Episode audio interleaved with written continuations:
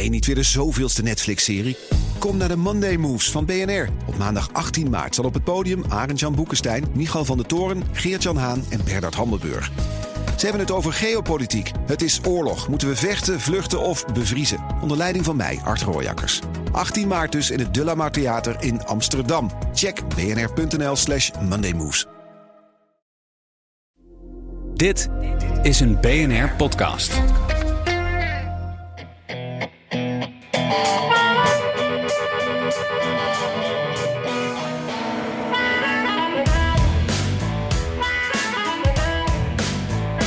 Deze misten we nog op de Trump bingo-lijst. De voormalig president moet van het stembiljet in de staat Colorado.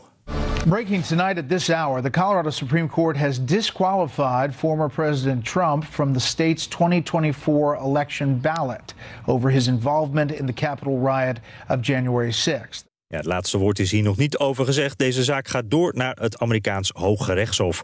De reacties laten zich raden. Republikeinen zijn woedend. Zoals Trumps immigratieadviseur Stephen Miller. They are saying to American citizens, you can't vote, you don't have a voice. Veel democraten reageren dan weer een beetje ongemakkelijk en ook wel voorzichtig. President Biden wilde niet zeggen of het besluit terecht was. Maar een opstand toen op 6 januari, ja, dat was het volgens hem wel. But he certainly supported an insurrection. No question about it. None. Zero. Ja, het was een insurrection, no question. Disqualificatie dus. Dit is aflevering 211 van de Amerika-podcast. Jan Posma hier in Washington. En nou ja, ik zal zo even uitleggen waarom. Maar ik zit hier in mijn auto. Ja, nou, uh, dat is iets anders dan de keukentafel met je lekkere bak koffie, Jan. Ik ben Bernard Hammelburg. Ja, die gewoon, mis ik. Gewoon comfortabel vanuit de studio met uh, Wesley aan onze zijde. Uh, dus uh, ja, ik, ik, ik, hoef niet in de auto te zitten. Hoewel ik uit ervaring weet dat dat voor de, de, de audio-kwaliteit een prima studio is. Hè? Ja, en het zit hier ook wel goed, moet ik zeggen. Het is wel een beetje frisjes. Ik heb net even de motor even laten draaien om wat, uh, wat op te warmen. Het is hier inmiddels ook wel wat koud. Maar ja, dit is een beetje inderdaad zo'n zo correspondenten-oplossing. En ook wel een stukje correspondenten-romantiek. De, de, beste plek is altijd je auto, goede akoestiek. Ja. En ja, het, het, komt omdat ik mijn appartement, daar wordt overal omheen weer verbouwd. we hebben een paar weken geleden is er een leiding gesprongen, gelukkig niet bij ons. Maar dat betekent dan dat, nou, ik geloof iets van 30 appartementen zijn nu allemaal hamertje tik aan het spelen. En uh, net bij jou in de uitzending, Bernard, bij BNR De Wereld, toen ben ik onder een deken gaan zitten, onder ja. een dekbed. En dat werkte qua geluid goed, maar ik, ik stikte zo'n beetje. Dus ja. ik ben toch maar even naar beneden gegaan. Ja, maar je klonk, je klonk toch heel, je, nou fijn. Je, je, een correspondent die, die houdt het wel een tijdje vol zullen we maar zeggen. Ja, dat ja. is zo. We kunnen wel eens naar adem happen. Hey, heb jij nog wat, uh, is jou nog wat opgevallen deze week? Nou, heb je nog wat meegemaakt, nou? Nee, ja? maar wat mij het meest opvalt is dat um, wij morgen over elkaar heen vliegen. Uh, jij van Washington naar Amsterdam en ik van Amsterdam naar New York. Um, en dat is natuurlijk voor ons allebei heel prettig, want jij kunt de, de, kerstdagen en nieuwjaar lekker bij je familie zitten en ik ook. Maar nou lopen we alweer een, een gezamenlijke opname mis. Dat had ik echt leuk gevonden met, uh, met Wesley en jou en hier in de studio. Maar ja. Ja, precies. Dan hadden we een soort kerstaflevering kunnen maken. Ja, maar precies. Ja, net niet, hè? Nee. Net niet. Nee. Nou. Maar ja, goed. De, de familie, dat, uh, dat, dat gaat eventjes voor met de kerstdagen. Hè? Dus ja. dat, dat komt ook wel weer goed uit. En we moeten maar even zwaaien dan uh, boven de Atlantische Oceaan. Ja, dat zal ik zeker doen. Ja. Ja. hey, en uh, ik, heb, ik moet zeggen, het was deze week best. Uh, nou ja, er, gebeurde genoeg. Maar in Washington was het verder redelijk, uh, redelijk rustig. dus ik heb niet echt wat meegemaakt. Maar ik wil wel even wat tippen. En dit is iets wat ik al een tijdje wil delen met, met, met jou en met de luisteraar. Dat is een televisieserie. dat heet Reservation Dogs. Een, een serie die in Amerika op Hulu staat. Zo'n zo streamer. En ik dacht in Nederland op Disney Plus. Maar dat moeten de mensen maar even googlen. Um, die serie heeft veel prijzen gewonnen, echt uh, terecht ook. Uh, het is heel origineel. Het volgt een tieners op een indianenreservaat.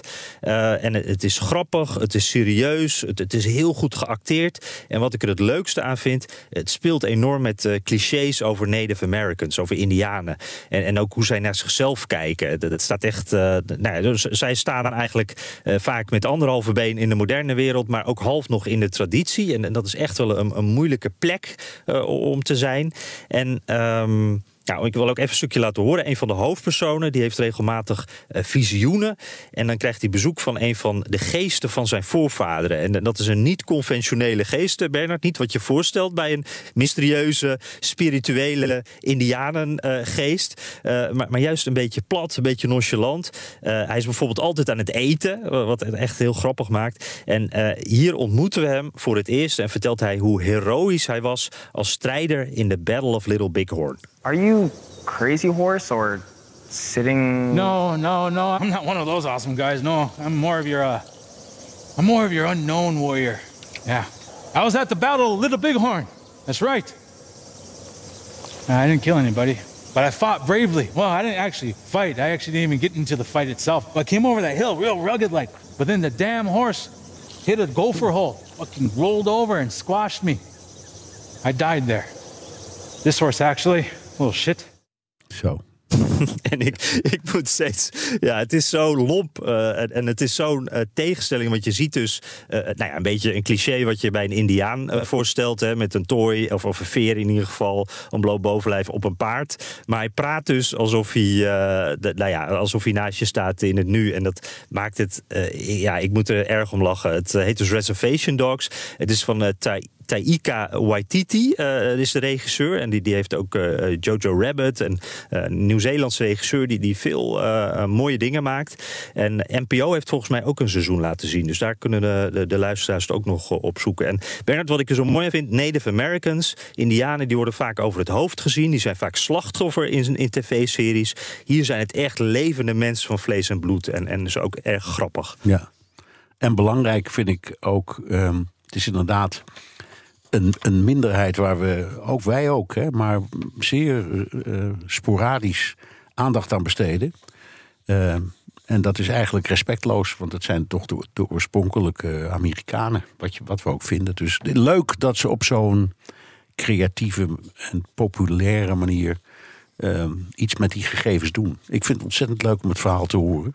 Ik heb, ik heb geen Disney Plus, maar ik kom er wel achter om uh, te zien. En misschien, ja, precies. En misschien, ja, ja, misschien ik zal morgen als ik in New York ben, even kijken wat ik daar ook weer allemaal op mijn kastje heb. Maar dat weet ik niet meer uit mijn hoofd. Misschien zit hij daar wel op. Oh ja, ja. eens kijken. Ja. Ja, ja, Nee, het is zeker het is de moeite waard om het eens even te zien. Want uh, nou, wat je zegt, het, wij doen het ook niet zo vaak. Hè, maar dat komt ook, ja, uh, ze zijn niet zo vaak in het nieuws. Nee. Het zijn ook vaak best uh, ja, sneuwe verhalen, zeg maar. Want ze zijn vaak het kind van de rekening. En nou, ik moet wel zeggen, het staat nog steeds op mijn lijstje hoor. Om een mooi Indianenverhaal te maken. Ja, dat, nou, dat moet zeker nog gebeuren. Ja, ik heb het een aantal keren gedaan gedaan. In Oklahoma herinner ik me. En uh, uh, in, in, uh, ergens in de Dakota's. Daar heb je de Sioux-Indianen.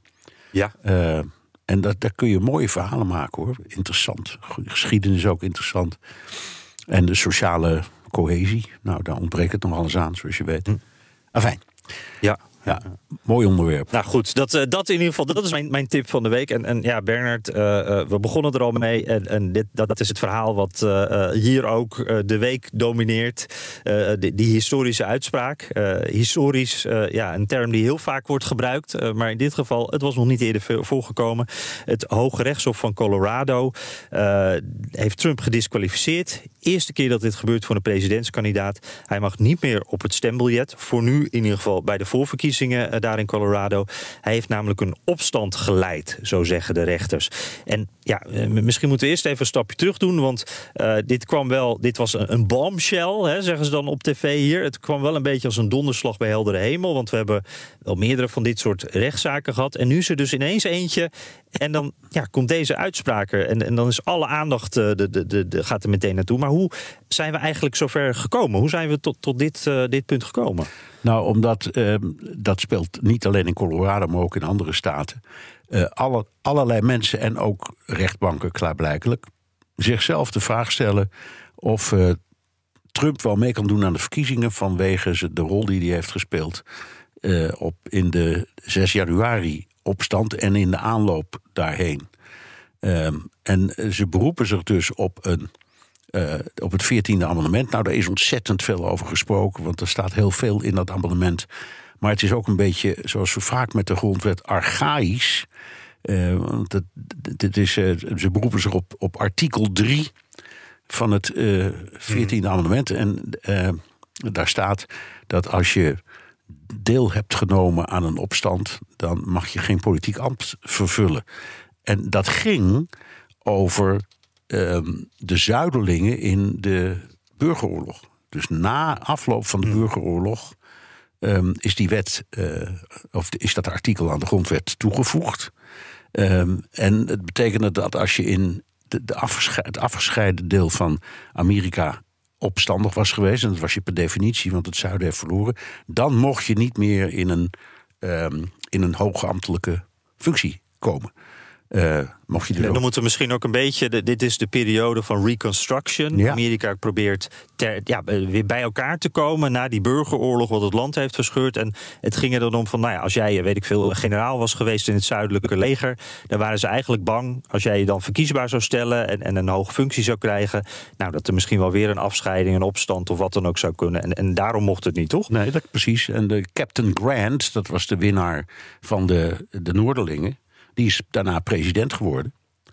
Eh, en, eh, maar bijvoorbeeld eh, generaal Lee, dat was de, de leider van de, van de Zuiderlingen, ja, die, die, dat kon niet meer. Dus die is in feite ja, af, afgeschreven. En, en, en, en nu, nu is zelfs zijn standbeeld in de problemen gekomen. Hè? Op, op, ik geloof op Ja, precies. Ja. ja, ja. Dus, maar, maar daar stamt het uit. En ehm, ja, de vraag is dus eh, of je die interpretatie eraan mag geven. En ik moet zeggen, iedereen zegt meteen het Hoge Rechtshof in Colorado zegt dat hij niet mee mag doen. Eh, Als je het, het eh, vonnis leest, ik zeg meteen, ik heb het niet helemaal gelezen. Het is 142 pagina's. Eh, Ja, dat is gigantisch. Ja, maar bijvoorbeeld Kenneth uh, Manusama, die vaak op BNR te horen is, dat ook nu weer in de Big Five. Dat is een, ehm, de, zijn specialisme is Amerikaans constitutioneel recht. Ehm, en eh, die, die heeft dus wat, wat toelichting gegeven. Als je het eh, vonnis goed leest, dan staat daar wel ingebouwd dat eh, het Hoogrechtshof van Colorado ervan uitgaat dat, de, dat Trump dit niet zonder meer zal accepteren. En ja, ik zeg het even in mijn eigen woorden, maar nodigt bij wijze van spreken in de bewoordingen al uit tot beroep hiertegen. Dus eh, het, Ja. het, het is niet zo eh, ah, duidelijk geformuleerd. De krantenkoppen waren, vond ik wel, een beetje eh, kort door de bocht. Het is ietsje genuanceerder. Nou, dat is wel een, Ja. Ja, ik, dat is een interessant punt. Want dat gevoel had ik ook toen dit nieuws binnenkwam. kwam dus onverwachts. Ja. Want eh, veel van deze zaken waren eer- al afgewezen eerder. Dus ik, ik had dit niet aanzien komen. En de meeste mensen niet. Eh, en eh, inderdaad, de kop die klopt wel. Want het Hoge Rechtshof van Colorado zegt inderdaad... hey Trump, jij hebt eigenlijk meegedaan aan een, een opstand... met die bestorming van 6 januari. Dus jij mag niet meedoen. Maar eh, inderdaad, eh, ze geven ook nog eh, het Hoge Rechtshof ruimte tot een, een dag voor de deadline dat de kandidaten moeten worden doorgegeven in Colorado. om hier zich over te buigen. Ja. En er staat ook heel duidelijk, het is heel duidelijk geïmpliceerd dat, dat Trump dat dus kan doen en naar het Hoge Rechtshof kan stappen. En dat gaat hij ook doen. Dus aan de ene kant, die headline die klopt. En aan de andere kant ze moeten er nog heel veel stappen doorlopen worden. Of tenminste, moet nog een enorme horde genomen worden. eh, voordat het ook echt zover is. En dat maakt het wel een beetje een gek eh, eh, nieuwsfeit. Hè? Dat het aan de ene kant heel groot nieuws is. En aan de andere kant kan je ook zeggen. Nou ja, eigenlijk verandert er op dit moment nog niet zo heel veel. Nee.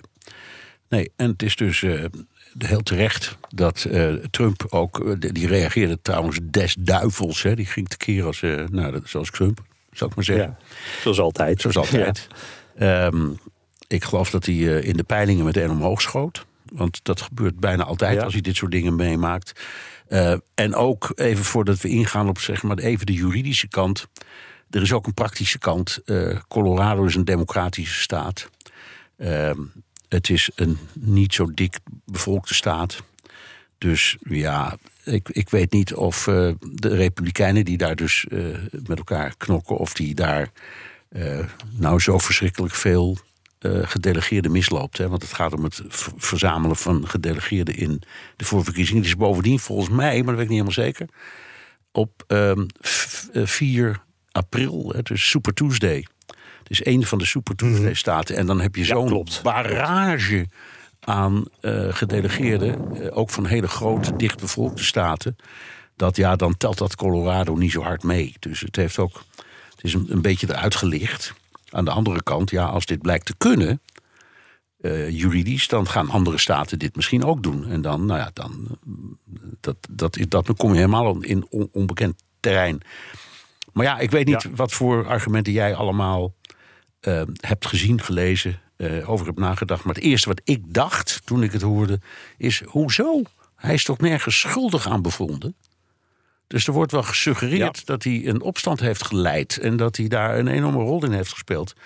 En dat kunnen we ook wel zien en horen aan de dingen die hij heeft gedaan. Maar de, het onderzoek loopt nog. Er is geen rechtszaak geweest. Dus ik, eh, eh, ik, ik denk, ja, hoezo? Eh, je, je- volgens mij is het echt de bedoeling dat wanneer een rechtbank eh, een vonnis wijst eh, op, op, op grond van een grondwetsartikel, ja, dan moet het wel bewezen zijn. Dus dat, dat is wat ik dacht toen ik het hoorde. Eh, Ja, ik, dat is een heel, heel interessant punt. En, en daar zie je dan ook meteen heel veel discussie over. Van allemaal mensen die verschillende interpretaties daarvan hebben.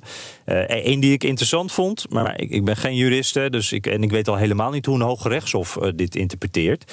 Maar eh, er was, ik, ik, ik las een analist die zei... eh, in dat 14e amendement staat helemaal niet dat je veroordeeld moet zijn. Dus dat, is, eh, dat hoeft helemaal niet. Ze mogen gewoon. Een rechter, een eerdere rechter had al bepaald dat het inderdaad een opstand was en dat Trump daar een rol in speelde. Eh, nou ja, dat heeft eh, dit eh, Hoge Rechtshof in Colorado overgenomen. Ehm, dus ja, het maakt helemaal niet uit of je daar nou veroordeeld voor bent of niet. Maar Dus die hebben, nogmaals, artikel ik weet drie- niet of het Hoge Rechtshof dit ook zo ziet. Nee, precies. Artikel 3 van dat 14 amendement, die lezen dat anders dan deze rechters hebben gedaan. Ja, en, en zo zijn er nog een paar dingen. Hè? Want eh, ja, je, je zou dus kunnen zeggen, eh, die, die rechters in Colorado... Die, die lopen een beetje voor de fanfare uit, eh, inderdaad. Want er lopen nog zaken die de vraag moeten beantwoorden... is Trump inderdaad hier schuldig aan? En en, en nou, wat komt daar dan uit? Maar het is ook echt een, een soort ehm, ja, strijd om definities. Want er staat dan, nou, er staat dus eventjes kort samengevat... als je mee hebt gedaan aan een opstand... eh, dan mag je niet eh, nog een keer eh, verkozen worden tot een ambt. En daar worden dan bepaalde termen ingenomen. Bijvoorbeeld, eh, het gaat er niet over een persoon, maar een officer. Dus ik, ik vertaal dat maar eventjes als een soort ambtenaar... of, of een, eh, een onderdaan of, of, een, of een burger. Dat is al iets van, valt daar het ambt van president onder? Of staat een president daarboven? Nou, dat is iets wat in dat artikel niet wordt uitgelegd. Dus dat, daar zegt de een van, ja natuurlijk... want alle, eh, de, de, de, de president is ook een burger... de, de- de- is ook een ambtenaar, die valt onder al die definities. En anderen zeggen van, ja nee, eh, de president eh, is, is een opperbevelhebber. Dus dat, dat is eh, iets anders dan een gewone burger. Dan heb je nog deelnemen aan een opstand. Deelnemen, wat betekent dat? Trump die stond niet op de barricades. heeft wel natuurlijk vanaf de zijlijn mensen aangespoord. Ja, die, bekende, de- de- de- bekende hè? Ja, op, eh, Ja. Ja, precies. en dan heb je nog de vraag: eh, wat is een opstand? Eh, was eh, 6 eh, januari was dat een opstand? Nou, je kan zeggen: hey, de- een bestorming van het kapitool. je- we zagen het allemaal gebeuren. En bovendien er werd ja, de, de, de, de overheid of de regering werd eigenlijk.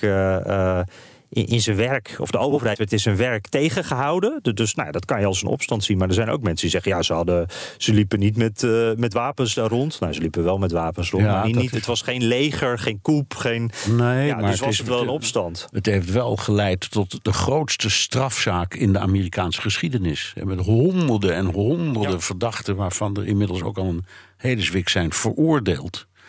Dus eh, in die zin zijn de mensen die zeggen: dit was wel een opstand, die hebben wel een sterk punt. Maar ik ben het met je eens. ehm, een insurrection, dus een, een opstand. Ja, ik, er staat volgens mij nergens een definitie van. Dus ja. Eh, en, dan, en dan, Jan. ehm, dat stond vanmorgen, geloof ik, ook weer in een aantal Amerikaanse kranten. En ik zag het, geloof ik, ook op Fox News een discussie over. Als, dit, ehm, als deze zaak behandeld wordt, dan heeft het Hoge Rechtshof haast. En als er één ding is waar het Hoge Rechtshof een hekel aan heeft, dan is het haast.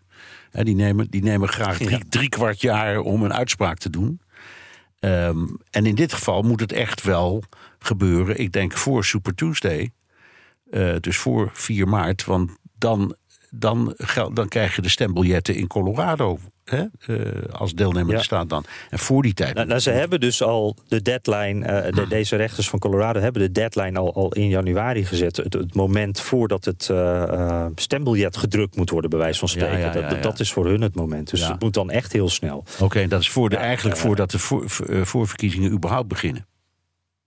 Ja, ja precies. En, en dan is het zo dat op dit moment staat het eh, op een soort van pauze, zeg maar. Het gaat nog niet in. Dus, dus eh, Trump mag nu nog gewoon op het stembiljet. En eh, in Colorado hebben ze gezegd van, nou ja, we wachten eerst het Hooggerechtshof af, het federale Hooggerechtshof, dan, eh, dan zou het in kunnen gaan. Maar dus daar zitten ook nog wel wat chaotische kanten aan, zeg maar, eh, eh, voor de komende periode, wat onduidelijkheid. Ja. En, en Bernard, waar ik ook steeds, want je hebt dus heel veel ruimte voor interpretatie en discussie. En af en toe dan, dan denk ik ook van ja, dat, dat Hoge Rechtshof, die, die- die- je kan het natuurlijk op zoveel manieren aanvliegen. Maar waar, ze bijvoorbeeld ook nog naar kunnen kijken is een lagere rechter in Colorado heeft dit eerder afgewezen. Eh, die zeiden dus juist van hey, die president wordt niet genoemd in dat 14e amendement. Dus, dus dat is een reden waarom hij eh, eigenlijk niet, eh, nou, waarom deze zaak eigenlijk niet, niet kan gelden. Hooggerechtshof in Minnesota, die heeft ook een soortgelijke zaak behandeld vorige maand. En die zeiden, ja, dit gaat om voorverkiezingen. Dat is een interne aangelegenheid van de Republikeinse Partij. Dus daar hebben we eigenlijk helemaal niks over te zeggen. Dus Nee, daar die zaak ook ja, afgewezen. Ja, ja, dat klopt. Want het, het, het, het woord partij komt in de hele grondwet nergens voor. Dus daar hebben ze ook al een punt. Hm. Ja. Ja, ja, dus allerlei lastige dingen. En, en met al die interpretaties. Ik moest eventjes denken, eh, dat weet jij ook nog wel.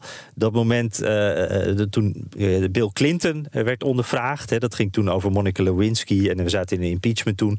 En, en toen werd hem op een bepaald moment iets, ik weet niet meer wat hem gevraagd werd. Maar hij had ergens over gelogen. En toen zei hij van, nou heb ik gelogen? Het hangt er vanaf wat uw definitie van is, Ja. is.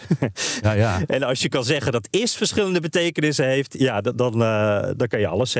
Ja, nee, dat was waar. En eh, ehm, hij heeft in dat proces ook tegen, die, eh, tegen zijn beschuldigers gezegd dat eh, de- had hij seks met eh Monica Lewinsky. En eh, een van zijn antwoorden was: dat hangt af van de definitie van seks. Dat was ook een mooie. Ja. Ja, Nou, ik, ik denk daar dus dan een beetje aan, als ik hier aan denk, denk van ja, je bent al die definities. eh, er zijn heel veel manieren om eh, het op een andere manier te interpreteren en, en tot een andere uitspraak te komen. Dus ik ben heel benieuwd. Ik sowieso trouwens, eh, vergeet ik helemaal, Ben van Un, die vroeg ook van moet iemand niet de eerste veroordeeld worden? Dank daarvoor. En oh ja, Jens van Haafden die vraagt ook nog af, hanteren andere staten ook dezelfde wet? En ja, ik, ik heb wel het idee, Bernard, dat zoals Minnesota, wat we net noemden als voorbeeldje, die zeiden van het is een interne aangelegenheid. Eh, dat soort dingen, dat soort details verschillen wel weer eh, per staat. Maar ja, het valt wel allemaal onder die paraplu van de grondwet. dat is waar. Maar eh, je weet dat de staten zijn, in afval in juridisch opzicht, onafhankelijk. Dus iedere, iedere staat heeft zijn eigen rechtbank, ook zijn eigen wetboek. Ook zijn eigen wetboek van strafrecht. En die zijn niet helemaal synchroon. En ook niet helemaal. En eh, eh, dat scheelt nogal. Dus het is een hele goede vraag. Want eh, eigenlijk, kijk, als dit wordt toegewezen door het Hoge Rechtshof, nou, dan zijn de rapen gaar. Want dan gaat elke staat kijken hoe zit dit eigenlijk bij ons. Eh, Dus daar hangt het een beetje van af. Maar ja. Ja, want da- daar zit, eh, dat noemde je net ook al even, daar zit eigenlijk echt het grote verhaal uiteindelijk. Hè? En dat Ja. is dus, ja, dat zijn eigenlijk twee stappen verder. Dan moet het Hoge Rechtshof dit eerst eh, laten staan, deze uitspraak. En dan moeten andere staten het dus ook gaan proberen. Maar ja, je hoort nu al voorbeelden. Hè, van, er zijn allerlei clubs die dat eh, willen proberen. En dan zou het bijvoorbeeld kunnen zijn, in, in een democratische staat zou dat dan ietsje makkelijker, zou dat makkelijker gaan. Niet een ietsje, dat zou gewoon makkelijker gaan. En dan zou bijvoorbeeld, ik noem maar wat, een staat als Californië zou dan ineens Trump van het eh, stembiljet af kunnen halen. En dan, ja, dan krijg je natuurlijk echt een soort hele nieuwe situatie voor, voor de verkiezingen. Ja, zit ook op eh, Super Tuesday trouwens, hè? Californië. Ja, precies. En, en die gaan ook naar een, de- een democraat. Maar toch, het, het, is een, ja, het, het gooit het systeem dan even helemaal eh, om eigenlijk. Hè? Ja, ongelooflijk. Ja, Hey, en, en, maar de, de grootste mits op dit moment is dat Hoge Rechtshof. En, en. Bernard, waar ik dan eh, meteen aan denk... Hey, eh, eh, we hebben daar negen rechters, zes zijn cons- conservatief. Eh, dat is dankzij Trump natuurlijk dat het conservatieve meerderheid is. Hij wees er drie aan. Ehm, ja, we hebben het er vaak over. Hè. Kan het Hoge Rechtshof onafhankelijk zijn... als ze tegelijkertijd ook politiek gekleurd zijn? Ehm, dit ja. komt wel heel dichtbij, hè? Dat Ja, de man dit- die een deel heeft aangewezen, Ja. daar moeten ze nu over gaan oordelen. Ja, dat, eh, dat is waar. Maar dat klinkt nou heel wonderlijk. Maar zoveel vertrouwen heb ik nou weer wel in het rechtssysteem. Ik denk dat conservatieve en eh, progressieve rechters in dat hof. eh, echt zich zullen buigen over de constitutionele definitie van al die dingen waar we het net over hadden. En dan maar kijken eh, of ze daar uitkomen. Eh, en wat ze vonden. Ik, ik denk niet dat omdat er eh, een paar eh, Trump-appointees in zitten, dat daar de, door de kans dat Colorado gaat verliezen groter is in deze kwe- kwestie. Of dat Trump gaat winnen groter is. Maar goed, misschien is dat naïef van mij. Ja, dat kunnen we ook eh, als buitenstaanders, dat kan niemand beoordelen. Hè. Dat is ook het moeilijke, dat is niet transparant op dat punt. Ik, ik heb wel het gevoel, omdat er best wel wat, eh, je, je moet ook wel eh, moed hebben, denk ik, als, als eh, lid van het Hoge Rechtshof, om zo'n besluit eh, te maken, waardoor dus dat hele systeem eh, omver wordt gegooid. En ik kan me wel voorstellen, er zijn dus best wel wat escapes voor die, die rechters, redenen waarom je echt wel kan zeggen van, hé, hey, goed beargumenteerd, dit is waarom het niet kan. Eh, ik heb wel het gevoel met al die escapes die er zijn, dat, dat de kans wat groter is dat ze hier tegen zullen oordelen dan Ja. dat ze dit laten staan. Ik denk het ook. En dan gewoon, denk ik, op puur juridische gronden, niet op politieke gronden. Eh, en al die vragen die we net doornamen zijn voor een groot deel juridisch. Wat, is een, wat is een opstand? Eh, kan je iemand van een stembiljet halen als hij formeel nog nooit is veroordeeld? Ehm, in, in, eh, in, enfin, dat zijn dingen die dat moet echt het Hoge Rechtshof be- beantwoorden. Ik ben benieuwd, joh. Ja. Ja. En- op dat punt, hè, want we hebben nu deze zaak en er staan ook al twee andere zaken eh, waar het Hoge Rechtshof eh, zich over moet buigen. Ik krijg bijna een beetje eh, 2000 vibes toen het Hoge Rechtshof uiteindelijk de verkiezingsuitslag ja, be- bepaalde. Met, bepa- met Bush en dus Gore. of- ja. Ja, precies. Want als je nu kijkt, je hebt deze zaak. Je hebt nu eh, het Hoge Rechtshof moet ook nog kijken of bestorming eh, obstructie van een officiële eh, procedure was. Dat, dat is iets wat ze moeten bekijken. Ze moeten ook bekijken of de president mogelijk immuun is voor strafvervolging. Die, die Jack Smith eh, 6 januari zaak. Het komt steeds meer. We wisten ook van tevoren dat dit zou kunnen en waarschijnlijk zou gebeuren. Maar het gebeurt ook echt. Het komt allemaal bij het Hoge Rechtshof uit. Ja. Dus die zullen toch even een dagje moeten gaan zitten, denk je niet? Zeer tegen hun, Ja, dat denk ik zeer ook. Tegen hun hebben- gewoonte in. Want nogmaals, het zijn dames en heren die in het, het, het in het leven heel rustig aandoen. En ook allemaal, bijna allemaal in het harnas sterven. En vaak op zeer hoge leeftijd. Dus je- het zijn, zitten vaak, zijn vaak hele knappe juridische redeneringen. Maar het zijn geen harde werkers, zou ik maar zeggen. Van harte. Je kan er wel heel oud mee worden. Dus dat, eh, precies. Ja. Ja, hey, moeten we het nog erover gaan hebben? Want je noemde het al dat, dat, Trump, eh, dat dit Trump politiek gezien natuurlijk helpt. Of eh, denk je dat onze luisteraar dat inmiddels ook wel. Inmiddels denk ik, ja, nou, we kunnen het niet genoeg benadrukken. Maar elke keer als Trump in de moeilijkheden komt door dit soort dingen of andere dingen, of rechtszaken of beschuldigingen. er lopen inmiddels 91 zaken tegen hem. En elke keer als er iets bij komt, dan, gaat, dan, gaat er, dan schiet hij in de peiling omhoog. Omdat zijn, omdat zijn ehm, eh, ja, Trumpistische aanhang ehm, ervan overtuigd is dat, hier, dat je hier het bewijs hebt dat er een complot aan de, aan de gang is, ge- ge- ge- gestuurd eh, vanuit het Witte Huis. Biden met zijn communistische opvattingen en het eh, ministerie van Justitie en de FBI, dat is allemaal één groot complot. En daar zijn ze echt van overtuigd. Dus elke keer als zoiets Ja, gebeurt, dit dan zijn ook weer. zie je wel, daar heb je het weer, denken ze dan. Ja. Ja, ja precies. En, en dat Hoge Rechtshof. Ja, de, eh, Hmm. Colorado is een eh, linkse, een democratische staat. Eh, ik geloof dat alle leden van het Hoge Rechtshof in Colorado door democratische senatoren zijn aangewezen. Ehm, nou ja, Ja, maar het wat jij eerder het zei het over het federale hoge. Het was toch maar één stem verschil. Er Waren, hè, hoe was het? Ik dacht 5-4. Ja, Dus, dus er waren. ja, vi- vi- ja. Het is van kantje boord, had net zo goed andersom gekund. Ja. Ja, nee, klopt. Maar in ieder geval, het, het wordt in eh, Trump-hoeken wordt dit natuurlijk meteen. eh, dit zijn democratische rechters die in dienst staan van Joe Biden en Ja. eh, nou, et cetera, et cetera. Ja. Hey, ehm, nog meer Trump. Ehm, want uh, dat was aan het begin van de week de grootste opschudding. Uh, nog steeds wel opschudding hoor. Uh, er zijn controversiële uitspraken. Hey, Trump zegt iets controversieels. Ik, ik, krijg er een déjà vu bij Bernard. Ja. Maar Trump die zei onder meer, het is wel ernstig. Hij zei onder meer over illegale immigranten. Ze vergiftigen het Amerikaanse bloed. En ja, weet je wie dat ook op die manier zei? Ja, precies. De vergelijkingen met Adolf Hitler waren dan ook niet van de lucht. Trump reageerde dinsdagavond in Iowa op voor hem typische manier een double down plus denial. Dus niets terugnemen, maar tegelijkertijd ook ontkennen dat er iets aan de hand is. It's crazy what's going on. They're ruining our country. And it's true. They're destroying the blood of our country. That's what they're doing. They're destroying our country. They don't like it when I said that. And I never read Mein Kampf. They said, oh, Hitler said that in a much different way. No, they're coming from all over the world, people all over the world. We have no idea. They could be healthy, they could be very unhealthy. They could bring in disease that's going to catch on in our country, but they do bring in crime.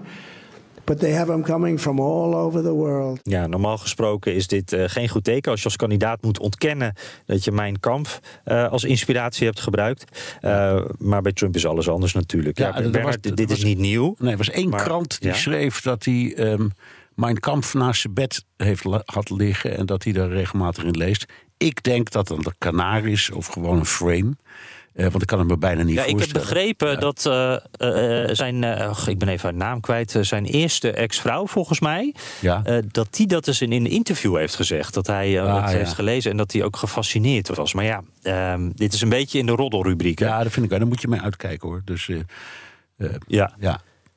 En, en je kan ook zeggen, wat, was dat, was dat, uit, was, Ivana heette die, volgens mij, de eerste vrouw. Ja, dat ja. zou goed ja, kunnen. Ja. En, eh, en, dan had je nog. Uh, nou goed, maakt toen niet uit. En jou, uh, uh, het, je, het is eigenlijk misschien ook wel de verkeerde discussie, Bernard. Want wat maakt het uit of hij nou zelf Mijn Kamp heeft gelezen? En wat maakt het uit waar hij zijn inspiratie vandaan haalt? Wat, het is de zoveelste keer dat hij dit soort taal gebruikt. ook als het gaat om. je hebt dus die bloedvervuiling, wat hij nu zegt. Eerder zei, had hij het al over ongedierte, als hij het over zijn tegenstanders had. Ehm, het, het, is, het is wel als je het naast elkaar ligt, dit zijn dezelfde woorden. En ik geloof ook niet dat het toeval is. Nee, natuurlijk niet. Hier zit een reden achter volgens mij. Dat ja. iemand opzet. Nou, eerst hebben zijn, grootouders van vaderskant waren Duits. Troemp. Uh, zijn, ja. moeder, zijn moeder was Schots. Zijn vrouw is Sloveens. Uh, ja. Ja. Allemaal vreemdelingen, Jan. Ja, ik, ik zag uh, Ivana, die gaf uh, afgelopen week nog een, een, toespraak voor, voor nieuwe Amerikanen. Ja, precies. Uh, die ja, net een burgerschap hadden gekregen. Ja, ik heb het gezien, naturalisatieceremonie, waar ze trouwens een heel mooi toespraakje hield, vond ik trouwens. Je ziet er nooit, dus we keken allemaal een beetje op. Hè? Oh, ze bestaat nog. Ja, ja, precies. En uh, ja, en, en je weet dat dus. Uh, maar tegelijkertijd, hij blijft dus dit soort dingen wel roepen. En, en wat ik ja, dan bij mezelf denk. Uh, Trump die probeert hier ook een beetje. hij maakt er ook weer een spelletje van. En dan heb ik weer het gevoel dat wij ook een beetje onderdeel van dat spelletje worden gemaakt. Want hij zegt weer iets, iets vreselijks. een deel schrikt daarvan. En ik denk ook terecht, als je de, ja, die, die woorden, die, die doe je meteen aan, aan Hitler en aan die tijd denken. Dus dat lokt die vergelijking echt enorm uit. Maar als we die vergelijking dan maken, dan uh, zegt Trump van, joh, het was maar een grapje, ik bedoelde het niet zo. Wat zien jullie? Jullie zijn weer, uh, uh, dit is weer precies waar ik het altijd over heb. Iedereen is tegen, mensen proberen me het kapot, kapot te maken. En is het niet zo dat immigranten inderdaad dit land kapot maken? Ja. Um, het, het lijkt ook zo'n ja, zo'n spelletje, een soort mechanisme waar we een beetje intrappen. Ja, helemaal waar. En uh, de reacties zijn ook interessant. Um, omdat uh, er was van een groep republikeinen trouwens. die uh, er ook moeite mee had. Hè? Het is niet zo dat het overal werd omarmd. Er waren ook republikeinen. McConnell die sprak zich uit, hè? McConnell sprak zich uit. Maar ja, de dienstpopulariteit staat nu op 19 procent. dus dat zegt, ja, ook, dat, dat, zegt ook wel wat. Hè? De, de, de, eigenlijk de, ja. de Republikeinse leider is dat. Dus uh, daar gaat het niet zo goed mee.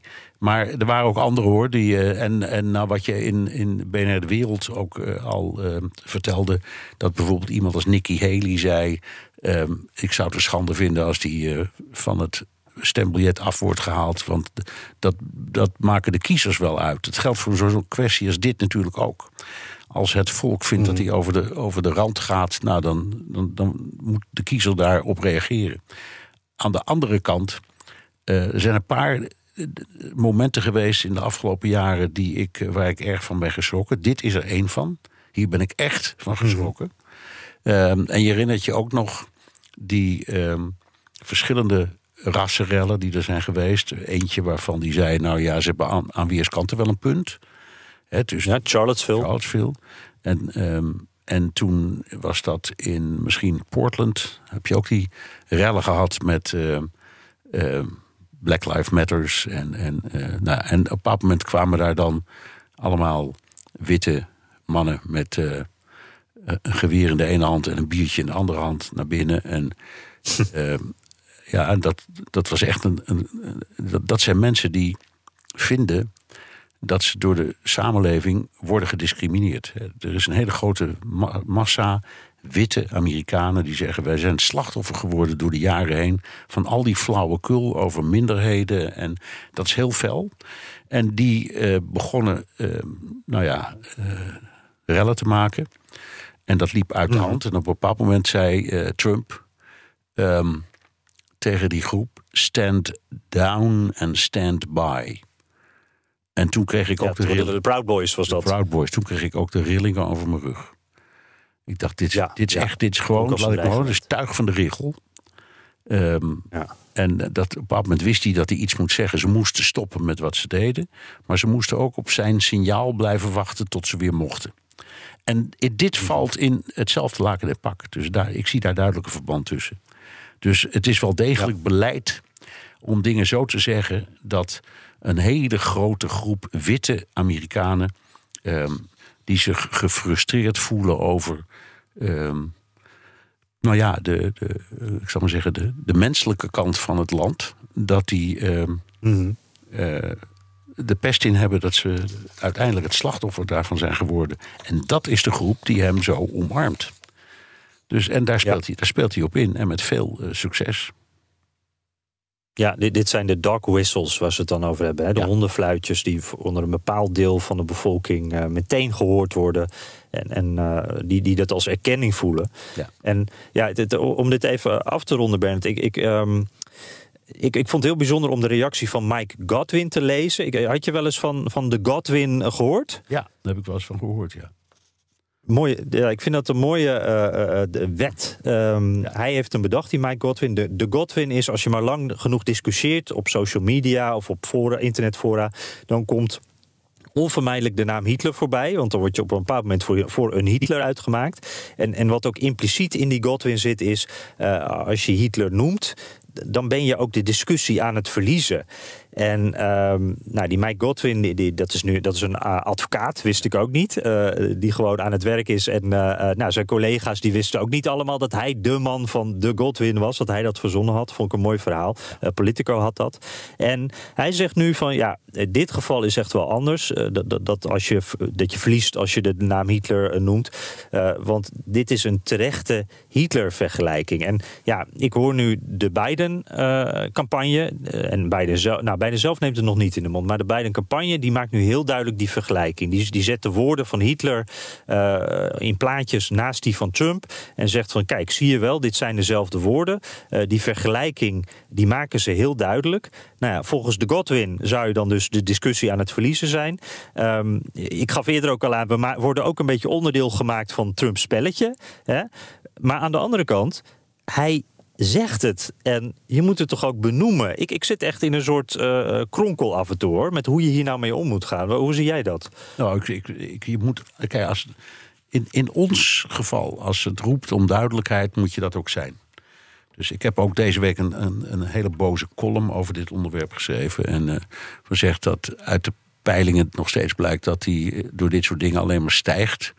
En dat er klaarblijkelijk een hoop. Uh, er wordt ook ontzettend geknaagd door Trump aan de rechtsstaat en allerlei instituties die hij wil afschaffen.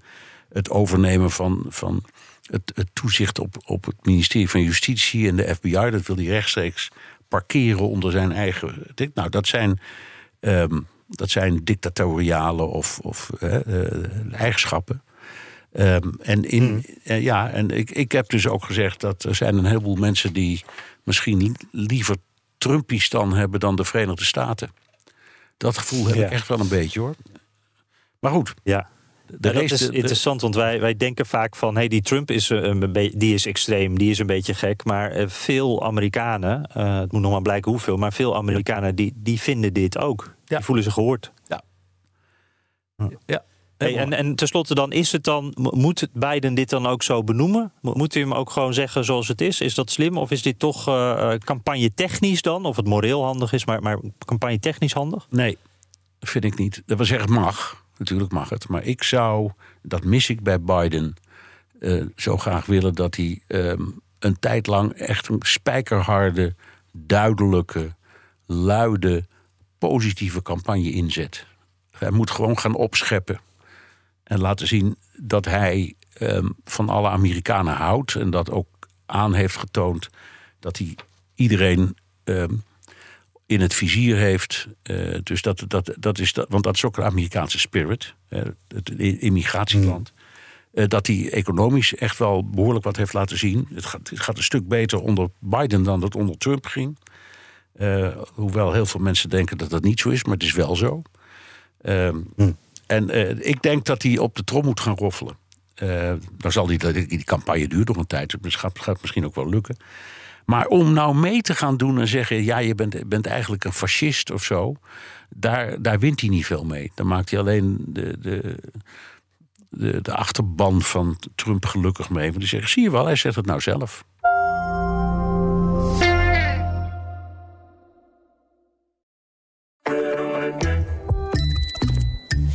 Het Eneco Klimaatreport van deze week komt uit Amsterdam. Ik ben Pascal en ik sta hier met de oprichter van Wikkelhuis op de werkplaats. Oep, wat zie ik hier? Ja, je ziet allemaal huisjes. En welke rol speelt energie-efficiëntie in jullie ontwerp- en bouwproces? We bouwen alleen maar met hernieuwbare materialen. Maar het leukste is dat we eigenlijk eh, zonne-energie gebruiken voor onze elektriciteit. We hebben duizend zonnepanelen op ons dak van de werkplaats. Duizend zonnepanelen, dat zijn er een hoop. Ik kan me voorstellen dat er aan veel stroom vanaf komt. Ja, er komt een enorme bak met stroom uit. En soms in de zomer is dat ook te veel. En daarom werken we samen met eh, Eneco, met het eh opwek optimaal systeem. En wat doet dat systeem? Een soort dimmer, dat als er te veel stroom is, dat je dat zeg maar wat terug reguleert, zodat er geen netcongestie ontstaat, want dan zou alles eh, vastlopen. Eh, juiste balans op het energienetwerk. Ja, precies. En zo werkt Wikkelhuis samen met Eneco aan klimaatambities. Is het ook iets voor jouw bedrijf? Check dan eneco.nl slash klimaatambities. Jan, zullen we naar de luisteraars vragen? Ja, leuk. die zijn welkom via de mail of via de Amerika Podcast WhatsApp. Daar kun je je vraag of opmerking ook inspreken. Het nummer is 06 28 135020. Ja, en eh, laat ook eh, eventjes een beoordeling eh, voor ons achter in Spotify. Heel graag. Mag ook op Apple Podcast trouwens, maar vooral in Spotify. We gaan richting de duizend.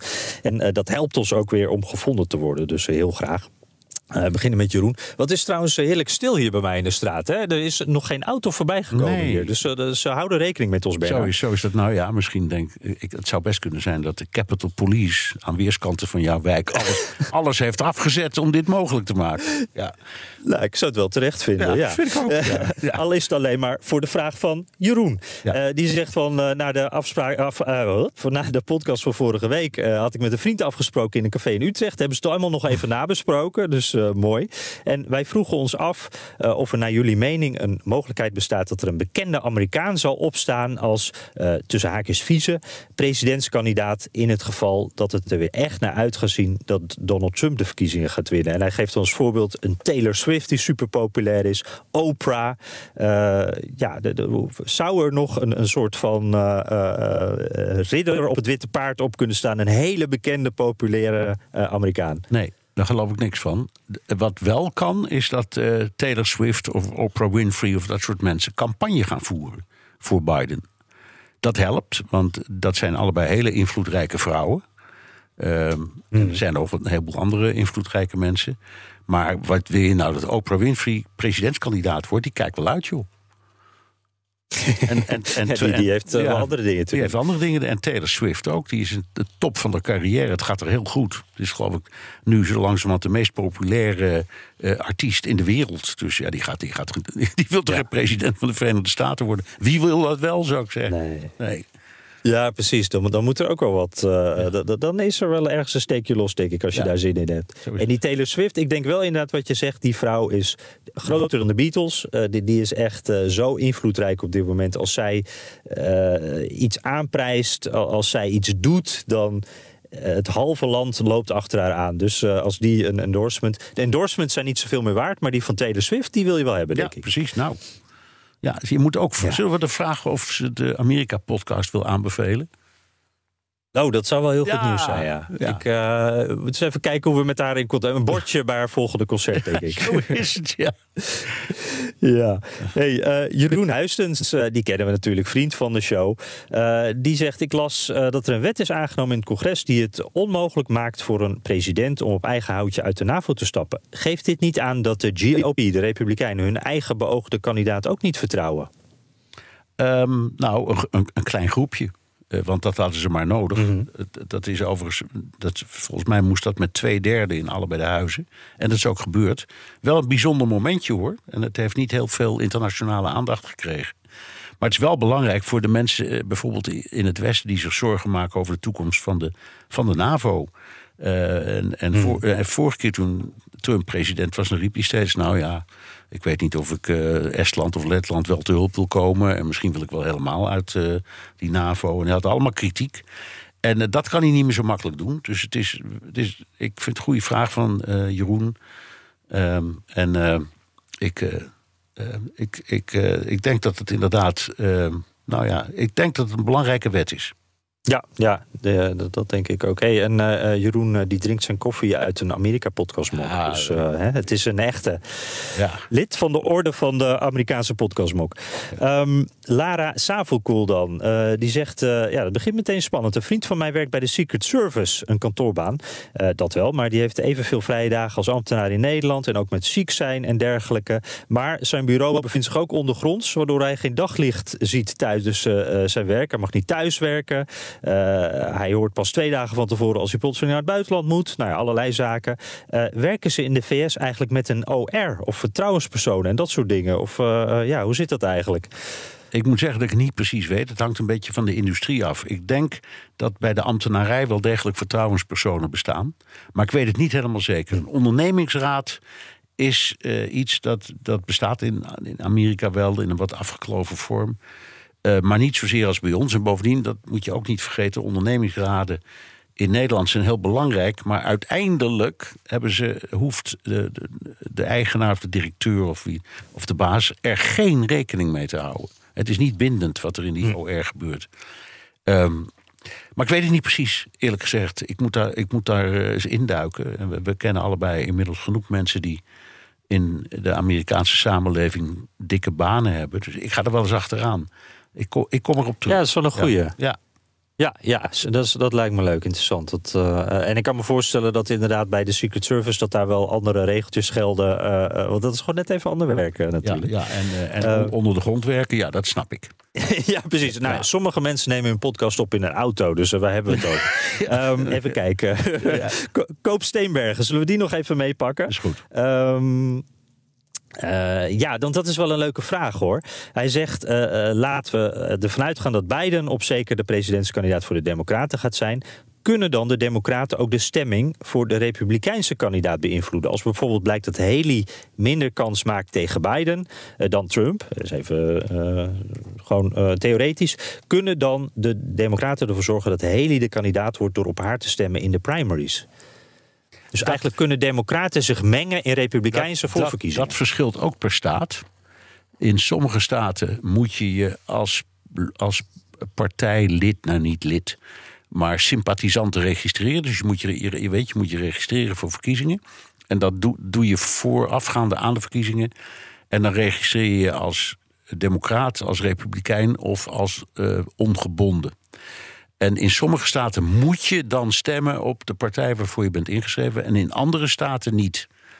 En dat is ongeveer 50-50. Dus het is een hele ingewikkelde vraag hoor. Ehm, Maar je kunt eh, in, in een heleboel staten, als je daar eh, als democraat staat ingeschreven, niet op Haley of Trump stemmen. Dat kan dan niet meer. En in andere wel. Ja. Ja. Ik, ik, eh, ik, volgens mij in New Hampshire zou dit kunnen. En eh, volgens mij mensen rond Nikki Haley, eh, die hebben daar ook wel eh, gesuggereerd om dat te doen.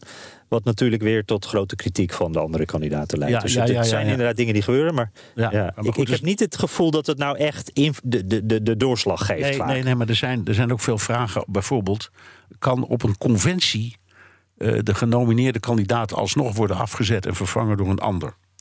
Hè? Ehm, En volgens mij is het antwoord ja, dat kan. Het is ingewikkeld, maar het kan. Want al die gedelegeerden die er zitten, die zitten daar namens hun staat voor een kandidaat. En die moeten dus collectief beslissen dat ze hun solidariteit voor die kandidaat opgeven. omwille van het algemeen belang, zal ik maar zeggen. Eh, dus als, als ze van Biden zouden af willen, op de, dan zou dat volgens mij kunnen op de conventie. En dan zouden ze iemand als Newsom, de, de, de, de gouverneur van eh, Californië, kunnen vragen of hij alsjeblieft zijn, zijn plaats wil nemen. Volgens mij kan dat. Ehm, Ja, maar, dat, maar, niet, maar niet tijdens het voorverkiezingsproces. Dat kan alleen de partijraad, dus de conventie, doen. Die, die zijn wat dat betreft natuurlijk de st- bestuurders van de partij. Ja, ja nou, het zijn interessante scenario's. Nou, Leuke nou, vraag nou. in ieder geval. Ja.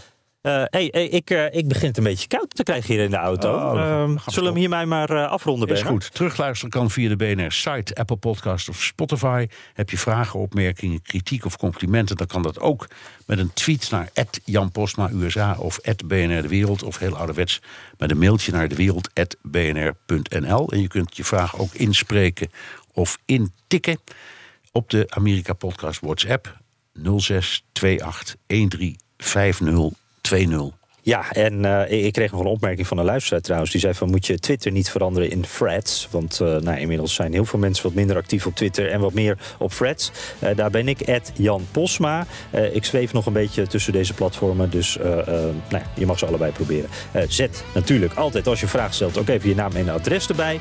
Maak je een kans op die fantastische Amerika-podcast Koffiebeker. Volgende week geven we er weer eentje weg. Hè? Dus tot volgende week, Bernard. Tot volgende week, Jan. Goede reis.